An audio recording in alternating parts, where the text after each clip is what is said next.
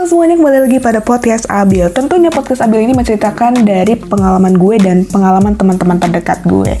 Semoga kalian bermanfaat dan jangan lupa juga untuk mendengarkan setiap episode-episode yang ada di podcast Abil ini. Ya, enjoy lister. Oke, bye. Hey, what's up bro? Balik lagi pada gue. Jadi kali ini gue mau ngebahas tentang yang namanya lupa.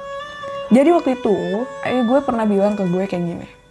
Lupa itu adalah anugerah. Kenapa bisa dibilang anugerah? Karena yang dengan yang namanya lupa, kita akan menghilangkan atau melupakan kejadian-kejadian yang buruk. Coba bayangin kalau misalkan lupa itu nggak ada di dunia ini.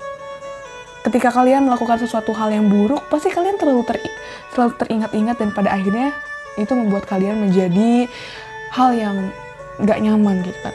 Jadi kalau misalkan kalian lupa, ya ya udah apa ya ya udah takdirnya gitu kalian lupa.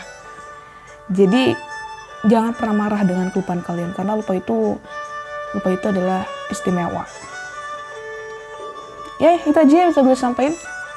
Ya semoga bermanfaat buat kalian. Jaga kesehatan dan jangan lupa melakukan suatu hal yang baik. Dah.